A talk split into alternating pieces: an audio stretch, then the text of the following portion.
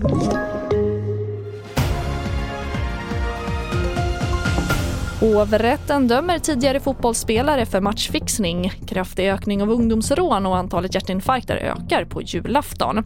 Ja, det är rubrikerna i TV4-nyheterna och vi börjar med att hovrätten över Skåne och Blekinge fäller den mutåtalade tidigare fotbollsspelaren för matchfixning. Domen gäller en allsvensk fotbollsmatch mellan Elfsborg och Kalmar 2019. Spelaren reagerade starkt på domslut, protesterade och fick ett gult kort. En inte helt ovanlig händelse. Men spelaren hade kommit överens om att ta ett gult kort i en match mot mot Kalmar FF och för det skulle han få ett lån på 300 000.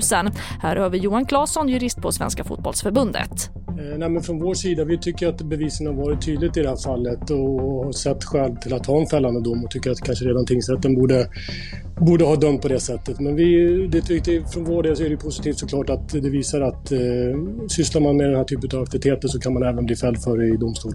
Och mer om det här kan du se på tv4.se där även Olof Lund från Fotbollskanalen är med och kommenterar. Och rån mot unga personer under 18 år har mer än fördubblats sedan 2015. Det visar Brottsförebyggande rådets rapport som publiceras idag. 2019 anmäldes 2 489 ungdomsrån. Anna Öström, utredare på Brå. Ja, vi ser ju att eh, både de anmälda eh, ungdomsrånen och den självrapporterade utsattheten för ungdomsrån har ökat kraftigt. Inte bara i storstäder och eh, storstadsnära kommuner utan i hela landet. Bakomliggande konflikter är ett eh, tydligt inslag eller tydligt motiv för rånen och det är särskilt tydligt bland flickorna. Och vi avslutar med att på julafton ökar antalet hjärtinfarkter med 40% men det verkar inte vara för mycket julmat eller alkohol som är orsaken utan snarare stress och oro. Och det visar en studie av svenska forskare som Hjärt-Lungfonden lyfter fram.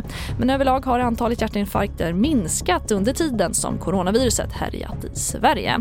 Och det får avsluta den här nyhetssändningen. Fler nyheter hittar du i vår app TV4 Nyheterna. I studion Charlotte Hemgren.